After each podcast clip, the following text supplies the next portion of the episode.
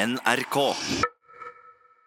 Da TV 2 startet opp med nyhetssendinger i 1992, lagde Egil Pettersen et langt innslag om overbeite på Finnmarksvidda. I løpet av 28 år har han laget mange saker om samiske temaer til riksmediet TV 2. Men ved nyttår er det slutt, for da blir du pensjonist. Velkommen hit, Egil. Hjertelig tusen takk, Svein Lidan. Og så må jeg skynde meg å legge til at eh, vi har jo jobba sammen i TV 2 i eh, sju år, er det vel, fra 2010 til 2017, så vi kjenner jo hverandre godt. Du har laga flere tusen nyhetsinnslag for TV 2, og så har du møtt enormt med mennesker. Er det noen du har blitt eh, spesielt inspirert av i løpet av denne tida? Ja, det er det. Jeg har møtt mye fint folk. Fiskere og fangstfolk, bønder, menneskeskjebner. Men uka før TV 2 starta, så kjørte jeg til Kautokeino. Der møtte jeg Ole Henrik Magga. Jeg skulle da be han kommentere det som forskerne hadde slått fast, nemlig at det var for mange reinsdyr på vidda. Den var nedbeita, og det kunne få katastrofale følger. Så eh, av alle jeg har møtt gjennom disse 28 årene, så er vel uh, Ole Henrik Magga den som har gjort sterkest inntrykk på meg, som har bidratt til å gi meg en slags åndelig og kulturell oppvåkning i forhold til det samiske, Sápmi, folket, og ikke minst uh, samene uh, forhold til den svære staten. Ole Henrik Magga har vært en enorm kraft for meg, og han har gitt meg store opplevelser, møter med folk, og ikke minst uh, vett og forstand. Det er ikke verst. Da kan jeg jo bare introdusere gjest nummer to i dagens program. Og heldigvis så nevnte du rett person, Egil, for vi har med oss Ole Henrik Magga på telefon fra Sverige. Er baby Egil? God dag, Egil. Takk for sist, og takk for alle de gangene vi har treftes før. Det ble en hel del, faktisk. Jeg må introdusere deg, Ole Henrik, selv om det egentlig er overflødig. da, men Du ble altså i 1986 den første sammen som tok doktorgrad på samisk. Og så ble du den første sametingspresidenten. Det var du fra 1989 til 1997. Og så har du vært medlem av FNs kulturkommisjon, og du var første leder for FNs permanente forum for urfolk i 2002. Og så har du til og med vært journalist og redaktør, og er medlem i Finnmarkskommisjonen. Hva holder du på med nå, Ole Henrik? Akkurat nå holder jeg på å skrive en artikkel til et finsk tidsskrift om bibeloversettinger til samisk. Fordi i fjor så ble en ny bibeloversettelse ferdig for nordsamisk, som vi sjøl også har vært med på å arbeide med. Og det er en viktig, stor begivenhet. Og meningen er å vise hvordan utviklingen her fra 1895, da den første bibeloversettelsen kom til den her fra i fjor. Gjør du det på flere språk, eller? Jeg skriver den her på finsk, for det er et finsk tidsskrift. Så, det er um, veldig godt å skrive for et finsk publikum, fordi de forstår umiddelbart hva det her dreier seg om. Og de har en lik historie nesten fra Agrikolas oversettelse av Nytestamentet på 1500-tallet, som har veldig mye av de samme problemstillinger som oversettelsen til nordsamisk fra norsk. Så jeg tror det er en viss sånn gjenkjennelsesfølelse når man leser om denne samiske bibeloversettelsen. Jeg nevnte helt i starten at Egil lagde en av de første sakene som gikk på TV 2-nyhetene. Var det første gangen dere møttes? Så vidt jeg kan huske, så var det første gangen. Det var jo helt i begynnelsen her. Og, og naturligvis var det spørsmål som vi alle ventet på. At, hva er det som er galt? Men um, Egil gjorde i hvert fall ikke den feilen som en annen journalist som jeg ble innkalt til, til studio for å svare. Og vedkommende spurte er det ikke på tiden at staten overtar forvaltningen av reindriften, for dere samer holder jo på å ødelegge Finnmarksvidda. Og da måtte de bare fortelle vedkommende at nei, det er jo staten som forvalter, og har alltid gjort det, og det er staten som har ansvaret for all forvaltning. Og da ble det liksom slutt på det intervjuet. Men hvordan gikk Egil til verks da? Nei, Han spurte hva, hvordan ser det her ut innifra, hvordan oppleves det, og, og hva, hva, tror dere i Sametinget er nødvendig å gjøre? Og... Hvordan ønsker dere at riksmedia skal angripe samiske spørsmål? Ja, hvis jeg skal ønske meg, så er det jo altså, mer kontinuitet i det at man følger opp tingene, og ikke bare når det er særlig dramatisk eller eksotisk. Og det er vel det som uh, man aller mest ønsker seg av media skal gjøre. Jeg forstår jo naturligvis at media har også dette her problemet med interessen. At det må være en, uh, altså en omstendighet som gjør det hele interessant. Du kan ikke lage interesse plutselig av noen ting som ikke har vært nevnt. Men nettopp ved sjøl å gjøre det interessant og, og, og følge opp, det gjør jo at også tilhørende kan bli mer interessert og har mer glede av å høre på reportasjen, istedenfor bare den ene gangen det er noe dramatisk eller eksotisk. Gir det mening, Egil? Ja, det gjør jo det, men det er artig her, for at uh, Ole Henrik var jo intervjua før TV 2 starta, og, og ble stilt spørsmål om han hadde forventninger til det, og det tror jeg ikke han hadde. Men uh, han ble litt overraska da vi kom. Men det lykkelige, Ole Henrik, det var jo det at det lå en konsesjonsforpliktelse på TV 2, og vi hadde et særskilt og pålagt ansvar for å dekke på nyhetsfronten eh, det som skjer i det samiske nord.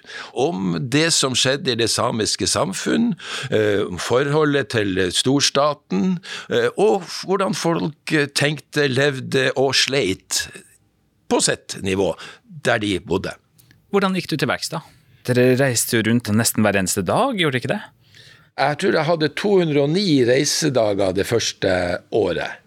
Men på mange måter så var jo det slags rekreasjon og avkobling å kjøre til Kautokeino eller til Karasjok eller til Tana. Det arbeid som jeg har opplevd som utrolig meningsfylt og viktig og riktig, og ikke minst eh, har det gitt meg gode kontakter og mennesker som jeg setter veldig høyt, og blant dem han eh, Ole Henrik. Og hvis vi spoler fram til 2020, eh, hvordan er det i dag? I dag har vi jo ingen forpliktelse. Vi får jo bare en masse penger fra staten for å drive en kommersiell kringkaster, som i hovedsak er forankra i Oslo og Bergen. 135 millioner for at vi skal være et alternativ til NRK. Og jeg tror at man tar ikke mye feil om man påstår at interessen for det samiske er kraftig nedprioritert. I alle fall så kommer den ikke like lett eh, til syne på våre viktigste sendeflater. Eh, hovedsendingene på TV 2. Litt mer på nyhetskanalen, men også der mer avventende. Så det er altså færre saker om, om samiske samfunnsforhold? Ja, helt åpenbart. Vi snakker jo faktisk om et kjerneproblem, gjør vi ikke det, Ole Henrik? Vi snakker om en majoritet og en minoritet, og minoritetens muligheter til å få et gjennomslag i et nasjonalt medium. Ja, naturlig. Det er det det er snakk om hele tiden. Og det burde i seg sjøl medføre en viss interesse, fordi det er ikke noen ting som mediene har gjort så veldig mye med. Og du har helt rett, eh, programleder, som antydet at min interesse for TV 2 var ikke særlig stor. Og jeg, jeg var jo gammel NRK-tilhenger, og jeg var sjøl vært eh, journalist for NRK Samradioen i Oslo. Så mitt hjerte lå jo der, fordi NRK tross alt hadde gjort en hel del. Og de hadde jo etablert seg i Karasjok med en egen radio- og TV-stasjon som var, hadde fått ressurser. sånn at forventningene var ikke veldig store. Tvert imot var vi kanskje litt til og med skeptisk for hva, hva, i all verden er det her for noen ting. Men det skulle vise seg at uh, våre tanker om det blir fort gjort til skamme, fordi maken til interesse hadde vi ikke fra noe annet medium enn TV 2. Sånn at det var en veldig fin og positiv overraskelse. Og jeg tror det blir gitt uttrykk for det mange ganger, også fra Sametingets talerstol i en del tilfeller. Det var vi veldig glad for.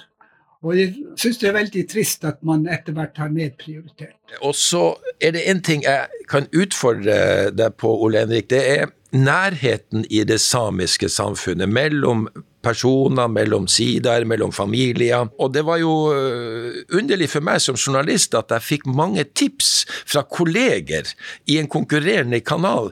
Egil, du må ta opp det, for vi kan liksom ikke tilnærme oss det. Det er litt vanskelig for oss. Det har med familie og med reindrift å gjøre, og nærhet og sånn. Men det her er viktig, det må du ta opp. Og, og de hadde også en sånn tommeregel i NRK, slik jeg har forstått, at de ville helst ikke sameradioens folk skulle gjøre den type reportasjer. For de skulle ha noen som var mer objektiv, og de skulle komme fra Oslo for å være objektiv. Det er bare det at å komme utenfra og være objektiv, det er ikke nok for å lage god reportasje. Man må også kjenne til hva man holder på med, og det gikk jo veldig ofte veldig galt med de reportere som kom fra Oslo, bare for én hendelse for liksom å gjøre en sak. For de, de, hadde ikke satt seg inn i tingene. Og noen ganger syns jo folk at de var rett og slett dumme. De kom med altfor dumme spørsmål. Som f.eks. det spørsmålet som jeg nevnte, den journalisten som spurte meg er ikke på tide at staten overtar forvaltningen. Det er jo en form for degradering av den kompetansen og den tilnærminga dyktige folk med kulturkunnskap hadde? Ja, naturligvis. Det er jo en fortsettelse av den ovenifra og ned-holdningen.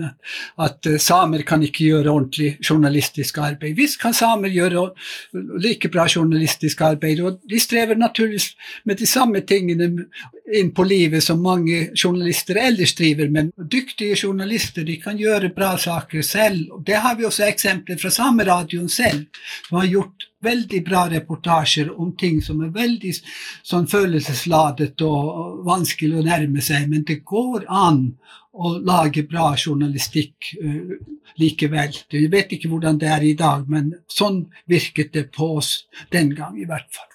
Vi har jo sett eksempler på glimrende, kritisk god journalistikk levert av en lang, lang rekke journalister knytta til NRK Sápmi. Så det, det, handler ikke om noe annet enn det han, Ole Henrik snakker om, nemlig å gi tillit og bruke vettet. Egil, er det noe råd du ønsker å gi til andre journalister eller mediehus? Hva vil du se av journalistikk om samiske forhold? Og spørsmålet går også til deg, Ole Henrik. Ja, jeg ønsker meg journalister som har uh, sine redaktørers tillit, og som blir sendt og får et oppdrag om å fortelle videre om virkeligheten fra det samiske Norge, Sverige, Finland og Russland. Om uh, utfordringer, om livet, om uh, faren for et språk som forsvinner, eh, konsekvensene om reindrifta eh, rett og slett eh, ikke overlever. Det er så masse som er å gjøre på dette her, og som må dekkes på en helt annen og langt, langt bredere måte enn i dag. Og det kan bare gjøres gjennom kunnskap, og ikke minst redaktørstyring, og av journalister som finner tilfredshet i å møte det samiske Norge med en nødvendig åpenhet og vilje til å forstå og formidle. Men hvorfor er det viktig, for det er jo ikke så mange samer i Norge hvis du sammenligner med resten av befolkninga. Hvorfor er det viktig for Norge? Ja, Det er jo viktig for Norge for at vi eh, har den samiske befolkning som en minoritet. Og hvis det er slik at det er majoriteten som til enhver tid skal avgjøre og bestemme som, hva som er viktig, så er vi jo virkelig på ville veier. Da er vi jo på full fart inn i ei polarisering som vi har sett konsekvensene av i USA, i eh, England, der plutselig alt eh, dreier seg om eh, hovedstedene og hvordan man derfra ser nasjonen. Eh, kom da en Trump som en overraskelse på en hel verden. Englands brexit kom som en overraskelse. Men det var jo pga. at journalistikk ikke var, hadde vidsyn. De dro ikke ut og snakka med folk i de små engelske landsbyene i Irland eller Skottland, på samme måte som man i USA ignorerte utviklinga i de eh, gamle industriplassene, Detroit City, som ser ut som vi har sett nå på en fantastisk serie av Seltzer på NRK, eh, og faktisk også veldig mye gjennom TV 2s reportasjer foran valget nå. Altså, vi, vi må jo komme oss ut av byråkratiets lomme. Vi må ut av politikerne sine lommer. Vi må sende journalistene ut i felt og møte folk og fortelle nasjonen hva som skjer der. Ja, det er bare ett ord som er dekkende som svar på dette. Det er ammen. Jeg håper dette kan siteres i en lærebok for journalister her til lands. og også for de samiske journalister. For det samme gjelder jo også for dem når det gjelder viten og kunnskap om tingenes tilstand. Sånn at det, det der er helt, det er helt vesentlig at folk faktisk vet, og at folk har vært der på nært hold. De behøver ikke ha skrevet reportasjer fra alle reiser, men at de har fått mulighet til å lære seg det landskapet de skal fortelle om. Dette er også elementær pedagogikk. Du kan ikke fortelle om noen, som, noen ting som du ikke vet noen ting om.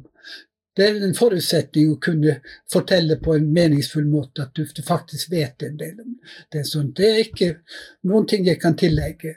Det er én ting, et møte som jeg får lov til å øh, ta litt opp. det altså i 1967 så reiste du sørover og begynte på øh, landsgymnaset i Asker, Ole Henrik. Og 30 år seinere så inviterte du øh, lærerinna di, hun, øh, Randi Sagberg, og, og de 17 avgangselevene, russen, til Kautokeino hjem til deg. Og det ble et fantastisk møte for dem, men også for meg. Jeg husker vi var inne hos dere der du vokste opp på Avsevåpenby, og der sto plutselig en av de gamle elevene, medelevene dine, han står litt som utafor ringen, og tårene rant. Så sier jeg til han, hva er det som plager deg? Nei, så sier han, når jeg kom hit ut og så det huset han Ole Henrik fortalte oss om da han kom på skolen, så tenkte jeg du, det ikke kan noen bo sånt. Det, det er ikke sånn det er. Og så står jeg nå og ser at alt han sa var sant, og jeg skjemmes for at jeg ikke trodde på han. Du husker den turen?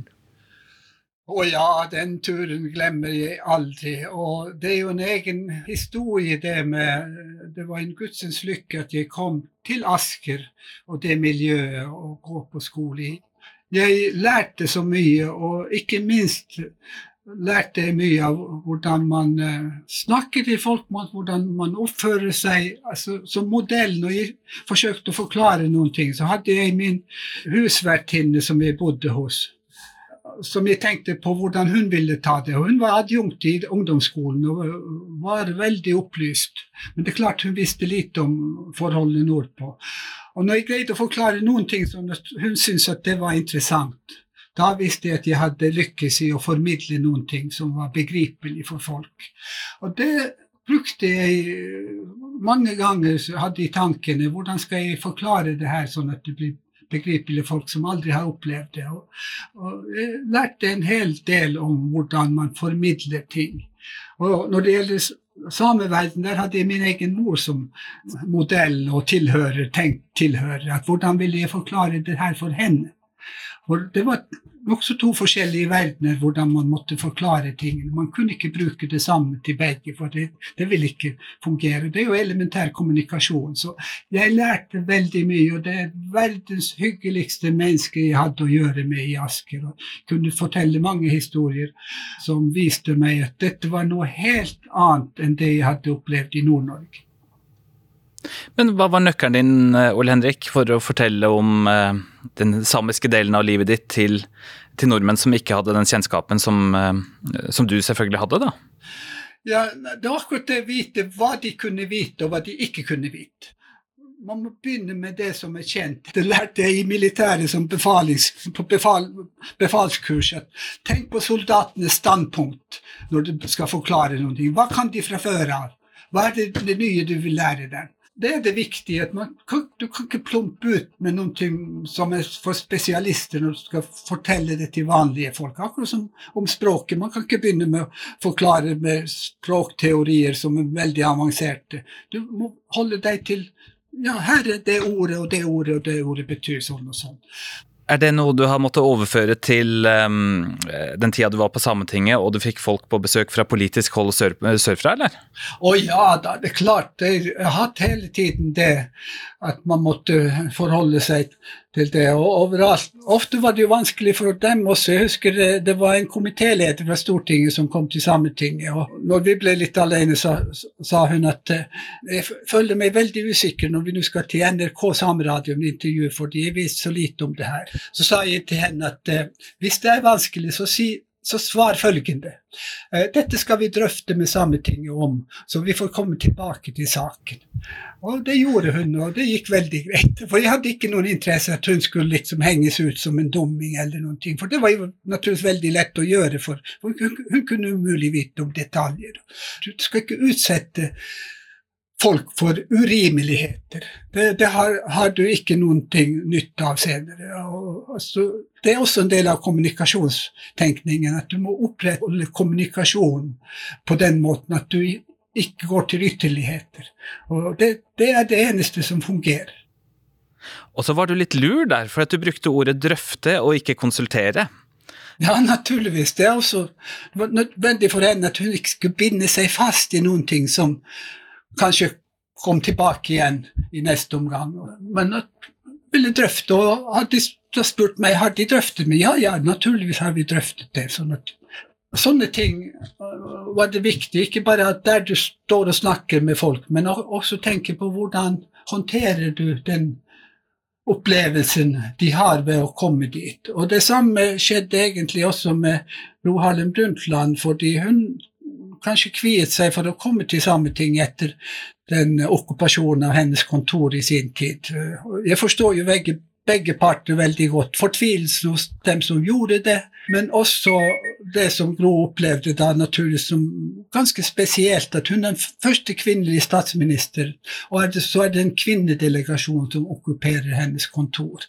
Man behøver nesten ikke si mer enn det for å forstå hvordan det ble opplevd. Og da sa jeg til departementet nå må du sørge for at statsministeren kommer på besøk her før siste møte, for det, det vil kanskje bli lagt merke til at, at hun aldri kom. Når stortingspresidenter, andre fra departementer og fra, fra Høyesterett og kirkeledere hadde vært der, og, og det ville være litt Ja, kanskje bli lagt merke til.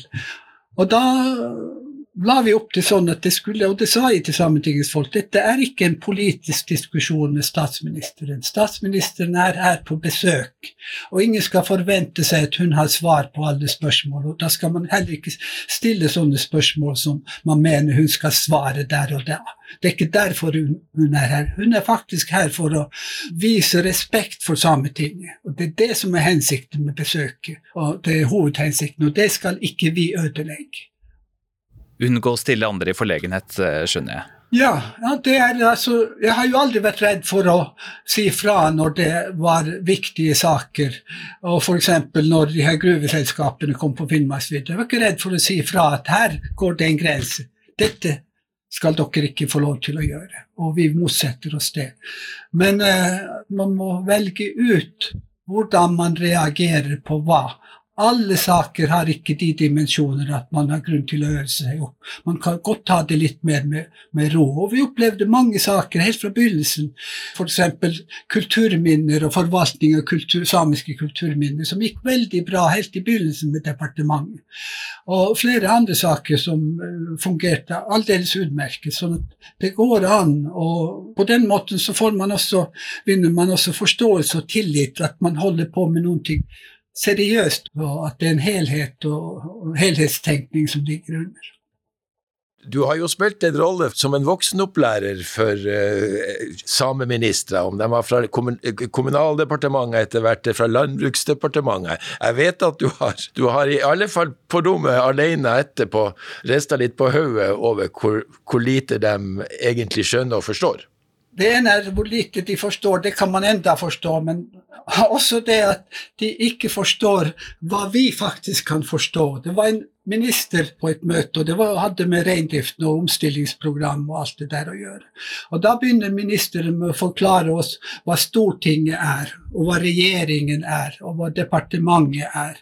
Og de som satt der, de kjente jo oss fra før av. De, de ble jo ganske så ille berørt. Åpenbart. De torde nesten ikke se opp.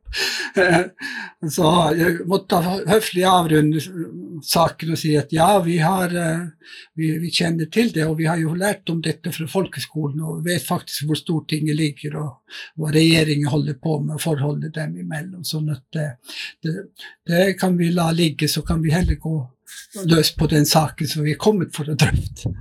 Vi, vi laga jo en eh, dokumentar om eh, jentene på Sitsjajavre, altså oppsitterne der og uh, Marianne Vanahapia, ungjenta som uh, fikk besøk av hopplandslaget og ordføreren i Haddal i, i Kautokeino. Og hun fortalte til dem om en krevende situasjon. De hadde fått beskjed å slakte ned 30 rein som de holdt som transportdyr. Vi tok henne med oss til Oslo, til departementet. Og der intervjua vi han om hvorfor det var slik og slik, og hvorfor de ikke kunne få ha disse reinsdyrene som trekkdyr. Og når vi hadde avslutta intervjuet, så ser han på hun eh, Marianne, så sier han for øvrig så vil jeg råde deg til å flytte fra den avsidesliggende gården og prøve å få deg utdannelse og arbeid. Ja, det er helt det er helt ubeskrivelig at det går an å si noe sånt til mennesker. Jeg vet, eh, Ole Henrik, at du vil eh, gjerne trekke frem kongehuset som forbildelig på det motsatte. Altså, Det har vært helt fantastisk. Altså, Helt fra det første møtet jeg hadde med kong Olav i 1981, og det glemmer jeg aldri. Fordi min mor hadde sagt at du må hilse kongen fra meg. Så jeg, men det her er et stort møte, jeg kom aldri i tale med kongen. Men det gjorde jeg faktisk. Jeg frambrakte jo en hilsen fra min mor, så sa kongen ja, de må ta med en hilsen til deres mor.